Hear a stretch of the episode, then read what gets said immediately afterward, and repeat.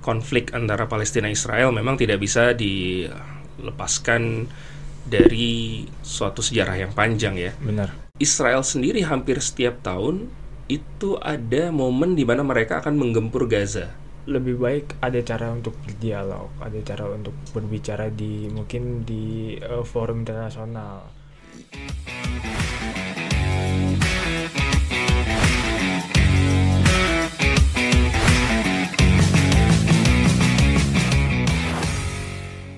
Halo Visipers, uh, baik lagi nih di podcast Suara Visip. Jadi nggak kerasa podcast Suara Visip ini udah nyentuh episode ketiga nih Visipers. Nah, kali ini di episode ketiga ini bakal berbeda dari episode 1 dan episode 2 karena kita bakal ngebahas isu internasional. Sebelumnya kita terlalu bahas bahas apa ya? Bahas isu-isu dalam negeri gitu. Dan pada episode ketiga ini uh, kita bakal ngebahas isu internasional yaitu kalian pasti tahu lah yang bakal terjadi yang udah terjadi saat-saat ini antara konflik Palestina dengan Israel lalu uh, Hamas yang memulai duluan pada tanggal 7 Oktober lalu uh, banyak masyarakat yang mengira bahwa yang dilakukan oleh Israel ini sebuah genosida gitu teman-teman. Dan juga uh, pada kali ini episode ketiga uh, aku Rakmail nggak sendirian tentu saja aku ditemani sama sama narasumber yang beliau ini uh, akademisi dan juga dosen dari hubungan internasional. Uh, nah kali ini bakal bakal relate banget deh pokoknya buat teman-teman juga dan juga narasumber ini uh, kali ini uh, dari dosen HI yaitu Mas Rizky. Halo Mas Rizky. Halo. Halo. Apa kabar Mas, Mas, Mas Rizky? Alhamdulillah baik Ramadan. Uh, kalau boleh tahu nih Mas, uh, kesibukannya apa aja nih Mas selain dari dosen di hubungan internasional?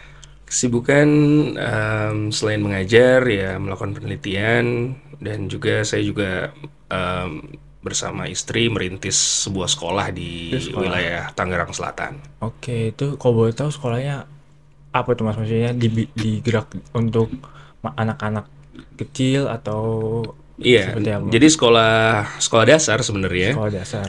Jadi kita baru merintis dari tahun 2019 jadi sekarang baru jalan lima tahun. 5 tahun. jadi ya, ya sehari-hari ya kalau nggak ngajar di UPN kalau saya nggak ada di UPN berarti saya lagi ada di sekolah seperti itu. Oke baik. Nah uh, kali ini kita bakal ngebahas konflik antara Palestina dan juga uh, Israel teman-teman. Pasti kalian hanya tahu pada saat ini doang nih yang terjadi pada tanggal 7 Oktober. Boleh diceritain mas gimana sejarah kenapa konflik itu bisa terjadi gitu mas? Terus juga awal mulanya kenapa apa kenapa bisa terjadi gitu mas? Silakan mas.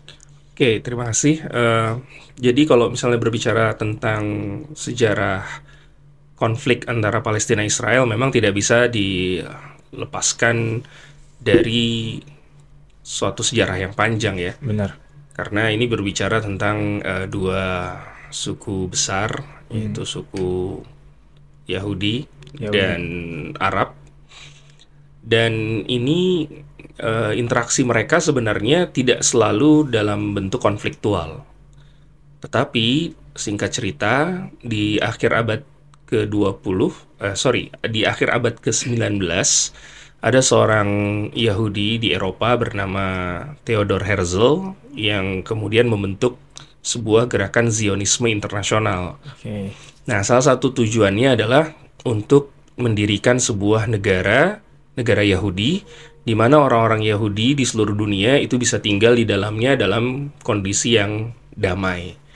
Jadi memang cita-cita Herzl ini mulia lah hmm. bagi orang-orang Yahudi karena orang-orang Yahudi itu memang selalu mendapatkan persekusi dalam sepanjang sejarahnya mereka mereka banyak sekali mendapatkan persekusi dari uh, ya mungkin terakhir yang kita tahu Hitler gitu ya tapi sebelum jauh sebelum itu uh, juga ada kasus di mana mereka terusir dari wilayah mereka di Kanaan atau wilayah yang memang kita katakan Palestina hari ini oleh uh, misalnya oleh Hammurabi dan mereka akhirnya menyebar ke seluruh dunia dan di di mana mereka berada pun mereka juga mendapatkan tindakan-tindakan yang kurang nyaman.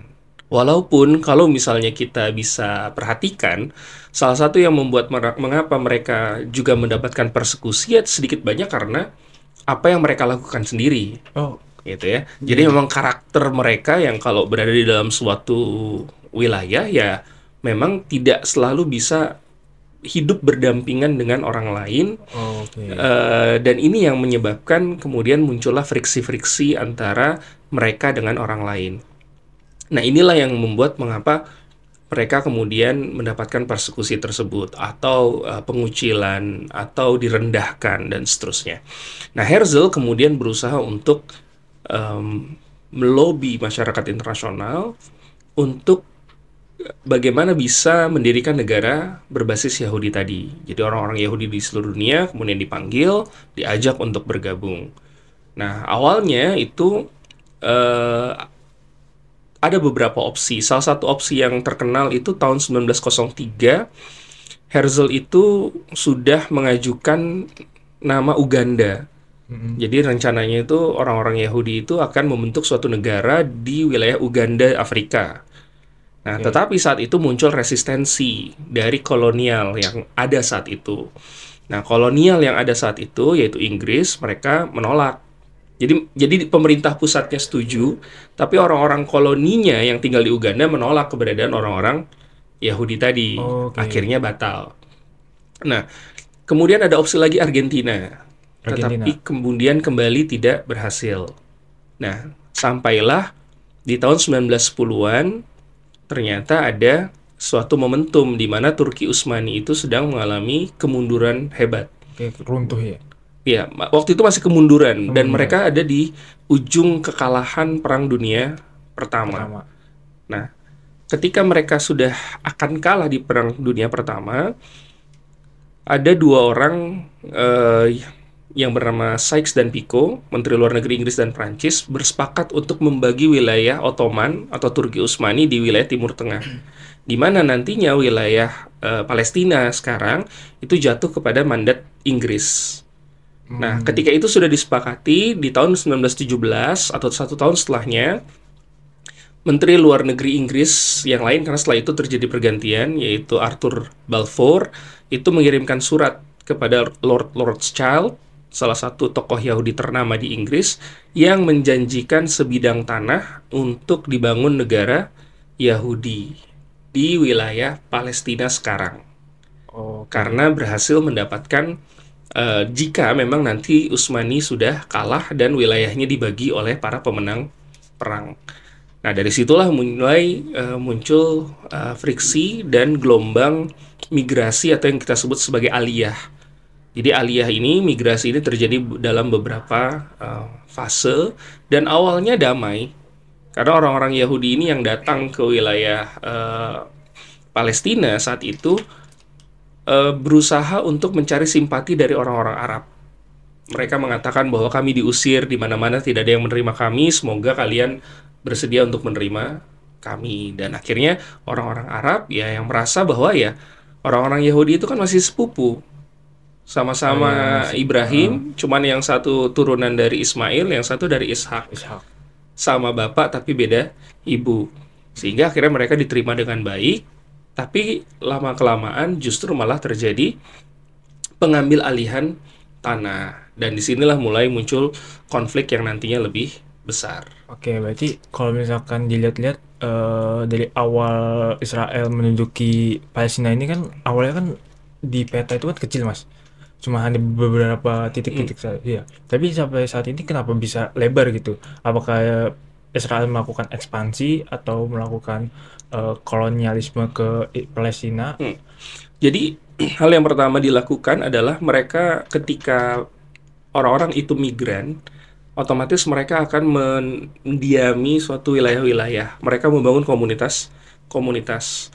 Sehingga semakin besar wilayah migrannya atau migrasi terjadi, maka semakin besar juga wilayah Yahudi secara berkala. Oke.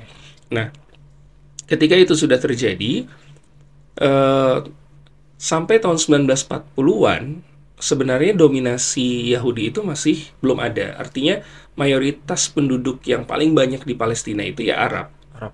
Nah, tetapi ketika Inggris itu akan menyelesaikan mandatnya di tahun 1948, jadi kan ketika mereka diberikan mandat mengelola Palestina, mereka hanya ta sampai tahun 1948. Nah, di tahun 1947 PBB kemudian mengusulkan resolusi dua negara. Di mana ada wilayah Palestina, ada wilayah uh, Yahudi. Nah, tetapi orang-orang Palestina menolak.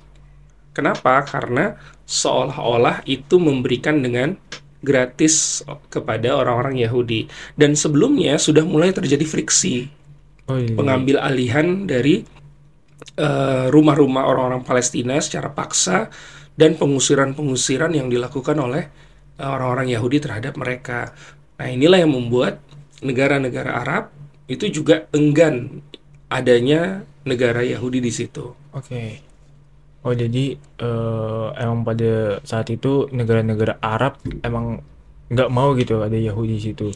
nggak mau karena memang kondisinya saat itu bukan karena mereka nggak menerimanya tetapi memang karena sebelumnya sudah ada kejadian-kejadian tentang perebutan pengusiran tanah wilayah rumah dari orang-orang Palestina ini dari eh, yang dilakukan oleh orang-orang Yahudi Oke, berarti kalau misalkan kita lihat dari sejarah, justru eh, Israel ini diberi tempat gitu sama Inggris, lalu apa namanya dijanjikan eh, wilayah oleh Inggris ketika memang eh, Utsmani ini udah runtuh, terus lalu eh, Israel melakukan pemaksaan apa namanya pengusiran, pengambil alihan rumah mereka secara paksa di Palestina. Tapi mas kalau misalkan kita lihat dari sekarang gitu, ini kan apa ya udah jadi fokus dunia banget nih. Sebelum sebelumnya ini justru malah ketika memang ada Palestina dan juga Israel ini kan udah agak lama nih mas. Tapi baru saat ini nih mas yang baru baru besar banget gitu menjadi perhatian dunia.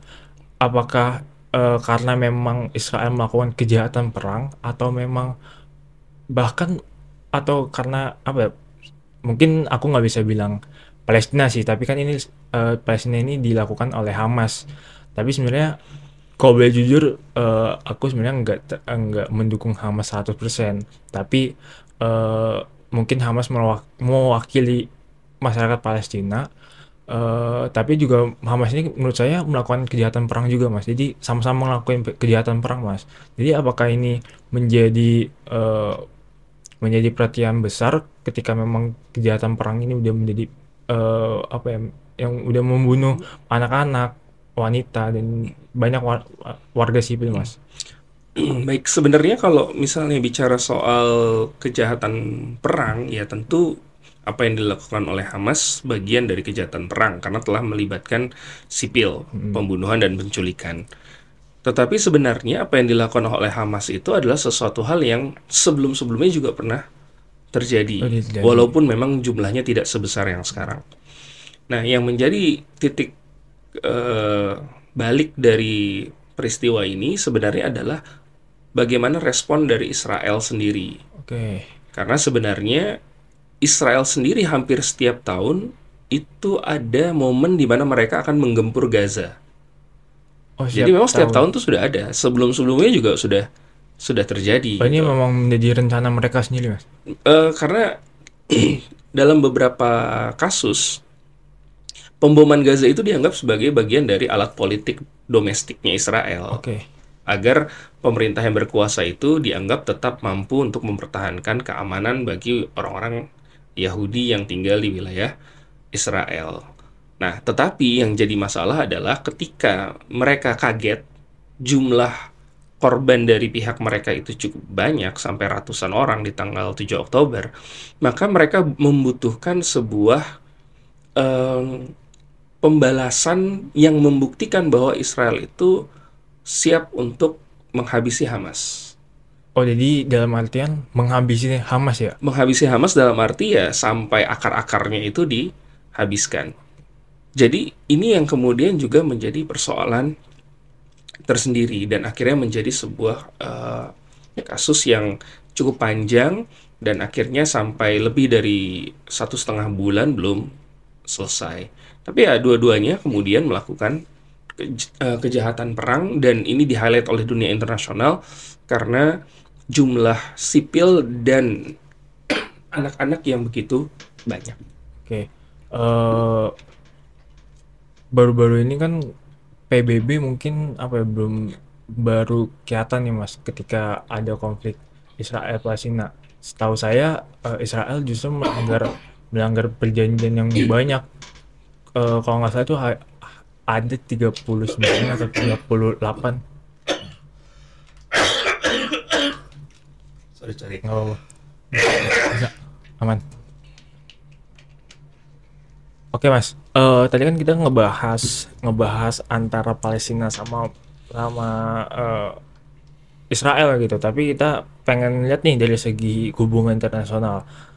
Eh gimana sih mas upaya PBB saat ini dan juga upaya Indonesia, apalagi sekarang Indonesia ini eh menjadi dewan HAM di PBB gitu. Apakah ini menjadi power yang besar juga untuk menangani kasus eh, konflik ini? Apakah eh, Indonesia juga punya peran yang lebih besar lagi gitu, Mas, dalam upaya di forum internasional?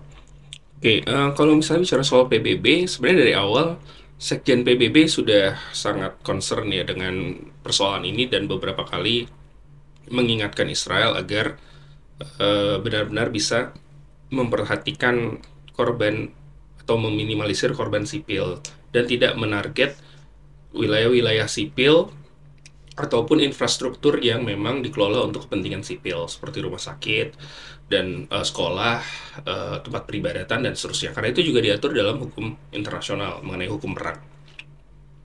Tetapi ya karena memang Israel eh, merasa jumawa, merasa kuat karena didukung oleh Amerika Serikat, eh, sehingga apa yang dilakukan oleh PBB akhirnya hanya sebatas asa lalu.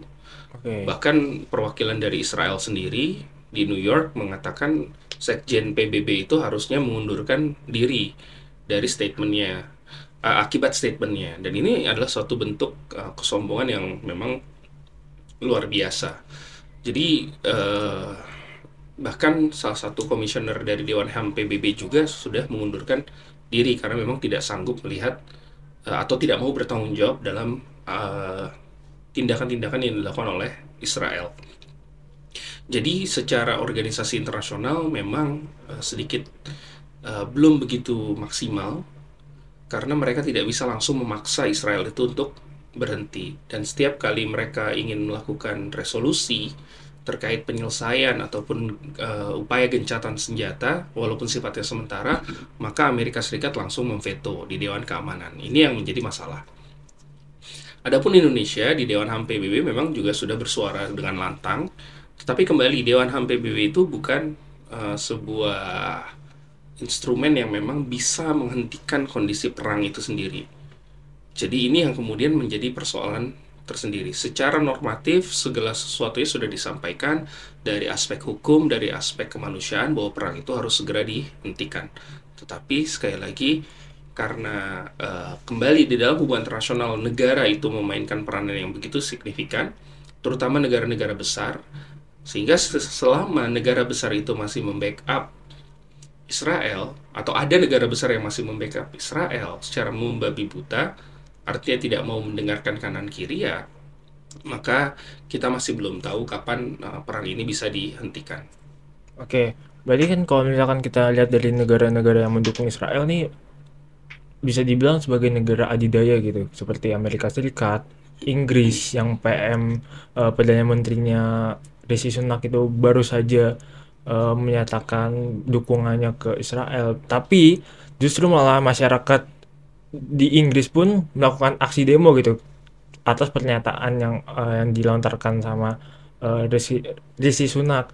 Tapi kok Mas, eh, kalau misalkan kita lihat nih Mas, eh, Israel ini kan mungkin mm, punya backup negara yang cukup besar juga gitu Mas, seperti Rusia, Indonesia dan eh, dari Rusia Indonesia ini sudah menyatakan dukungan gitu, mau ngebantu eh, secara diplomatik ataupun secara eh, kemanusiaan gitu. Apalagi kemarin Indonesia udah memberikan bantuan kemanusiaan sebesar 5 ton bantuan eh, tenaga apa eh, peralatan medis dan juga sembako gitu mas tapi kenapa nih mas saya pengen bertanya kenapa negara-negara yang ada di kawasan Timur Tengah seperti Arab yang masuk dalam Liga Arab terus juga eh, ada Yaman Qatar yang bisa dibilang sebagai negara sama sesama Muslim gitu kenapa ada apa ya ada rasa enggan mau bantu gitu mas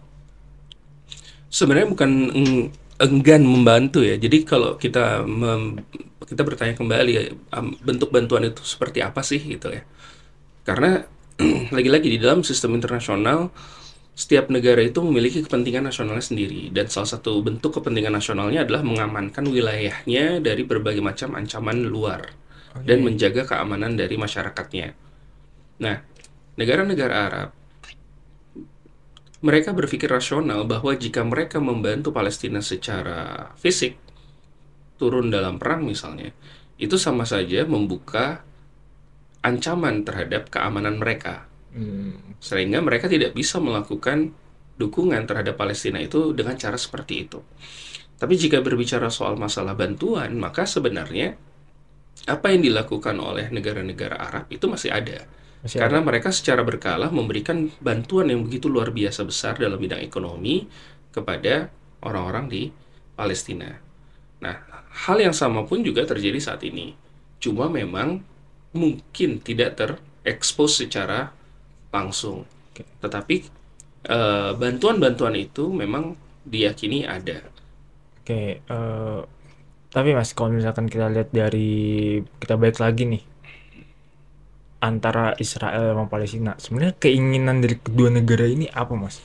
Keinginan dari masing-masing negara ini pasti kan punya gitu keinginan eh, dari negara Israel dan juga dari negara Palestina. Itu apa, Mas, keinginannya? Kalau keinginan dari Palestina itu jelas eh, bahwa mereka ingin merdeka. Merdeka. Mereka ingin menjelma menjadi suatu negara. Tetapi di dalamnya itu terdiri dari dua kelompok yang berbeda tujuan. Yang pertama itu ada kelompok Fatah yang banyak mendiami wilayah tepi barat Ya, dan mereka itu tidak mempermasalahkan adanya dua negara. Jadi Palestina dan Israel berada dalam satu eh, istilahnya hidup bersama lah Hidup seperti bersama. itu. Dan semua tapi dengan catatan wilayahnya itu dikembalikan kepada sebelum perang tahun 67. Jadi sesuai dengan eh, partition plan-nya PBB di tahun 1947. Kalau sekarang kan kondisinya sudah berubah karena sejak adanya perang tahun 67 maka Israel itu mencaplok beberapa wilayah wilayah yang tadinya seharusnya milik Palestina. Palestina. Itu ya makanya tadi pertanyaan apa statement kenapa kok makin lama wilayah Israel malah jadi semakin lebih Makin luas. besar gitu dan mereka juga melakukan illegal settlement. Jadi pemukiman ilegal di mana mereka membangun membangun pemukiman-pemukiman di wilayah yang seharusnya itu milik Palestina. Oke. Nah, itu eh, pertama, Fatah. Dan itu pun susah. Kenapa? Karena kalau misalnya harus kembali ke eh, partition plan, maka secara otomatis pemukiman-pemukiman ilegal yang sudah ada itu harus dibongkar. Dan pastinya Israel tidak mau. Tidak mau. Kemudian yang kedua adalah Hamas. Hamas mereka ingin merdeka, Palestina merdeka, tapi tanpa keberadaan Israel. Berarti Israel nggak ada sama sekali. dihapuskan dari muka bumi. Nah, ini adalah menjadi sesuatu hal yang kemudian sulit. Nah, variabel lain yang harus kita perhatikan adalah bagaimana Israel sendiri di dalam memahami keberadaan dua negara ini. Dan kalau misalnya kita lihat hari ini kebijakan eh, Benjamin Netanyahu beserta koalisi pemerintah yang memang sangat eh, ultra kanan, mereka justru malah enggan untuk bisa hidup berdampingan dengan orang-orang Palestina. Bahkan kalau bisa negara Palestina itu nggak perlu untuk muncul. Makanya di Google tuh Palestina sudah Yang nggak ada. sudah nggak ada gitu. Berarti ini kan masing-masing negara ini eh, punya keinginannya sebenarnya hampir sama gitu. Mau eh, dari Palestinanya sendiri, dari Hamas yang nggak mau ada Israel lagi, terus dari Israel, Palestina juga nggak mau ada wilayah Palestina lagi gitu mas.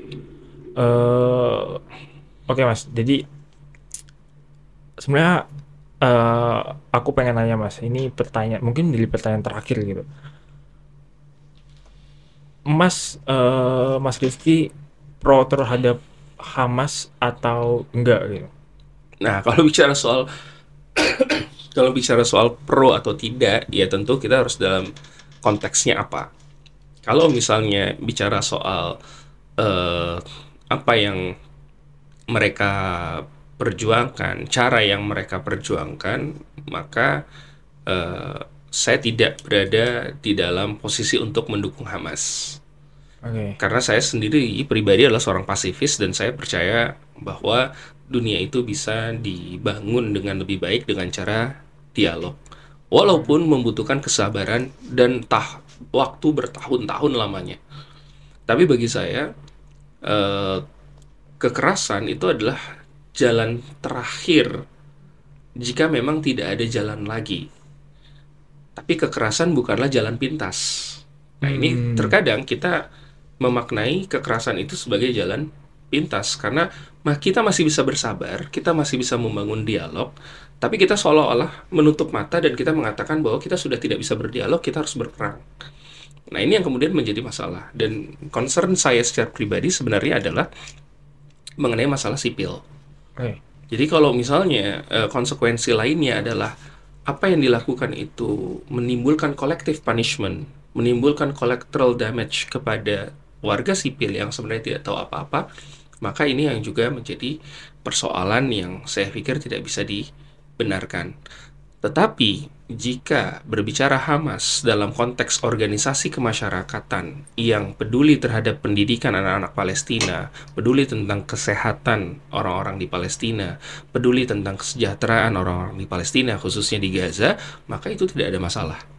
Makanya saya ingat tahun 2006 ketika mereka memenangkan eh, pemilu Palestina yang pertama mengalahkan Fatah, itu saya termasuk orang yang menjadi pro dari Hamas. Kenapa? Karena saya meyakini bahwa Hamas bisa membawa suatu perubahan ketimbang Fatah yang memang sudah terbukti ya ada sisi korupsinya di sana, ada sisi di mana orang-orang yang memimpin itu sudah terlalu lama berkuasa, terlalu lama memegang otoritas Palestina yang eh, saya pikir butuh suatu penyegaran baru. Tapi ternyata eh, kemenangan tersebut dianulir dan akhirnya Hamas dimundur, eh, maksudnya hanya bisa berkuasa di wilayah Gaza. Israel kemudian membangun tembok dan seterusnya. Walaupun secara rasional juga saya bisa memahami kenapa Hamas sampai melakukan tindakan kekerasan itu. Karena ya bagaimanapun juga ketika kita sudah lama terpojokkan, dibully, ya kayak simple lah kita dibully bertahun-tahun. Pasti ada satu momen di mana pasti ada emosi di mana kita akan meluap kan. Iya. Walaupun cuma sekedar nampar. Kalian pernah misalnya bayangin aja kalian dibully nih teman-teman. Kalian dibully, kalian diam aja dikerjain apa. Pasti ada momen di mana kalian akan refleks, minimal refleks. Kalian entah nangkep tangannya ketika mau di ini, kalian nampar balik misalnya dan seterusnya. Jadi apa yang dilakukan oleh Hamas kemarin adalah sesuatu hal yang sangat bisa dimaklumi walaupun saya pribadi tidak setuju untuk mengambil tindakan seperti itu. Oke, berarti eh, kalau misalkan yang saya ambil nih Mas, saya dapat dari Mas Rizky, eh jalannya itu lebih baik ada cara untuk berdialog, ada cara untuk berbicara di mungkin di eh, forum internasional. Em, butuh emang butuh waktu yang lama gitu. Kalau misalkan nanti eh, jalan akhirnya harus melakukan eh, adanya kolonialisme dengan peperangan, itu sebenarnya bukan menjadi hal yang eh, hal yang harus dilakukan gitu Mas ya. Oke, jadi obrolan kita ini udah cukup panjang dari kita udah ngebahas sejarah sampai eh, yang eh, kondisi Palestina Israel pada saat ini kita udah ngulik semuanya. Eh, emang obrolan ini emang sama Mas Rizky ini eh, beliau paham lah soal Palestina Israel ini. Oke, mungkin eh, untuk episode ketiga eh, kita cukupkan sampai sini mas karena emang pembahasan ini mungkin bagi teman-teman visipers wah ini makin apa ya kayak mem- membuka lah membuka diri tentang oh sebenarnya Palestina itu seperti ini gitu. Israel itu sebenarnya melakukan ini gitu. Oke mungkin eh, untuk episode ketiga kita cukupkan sampai sini.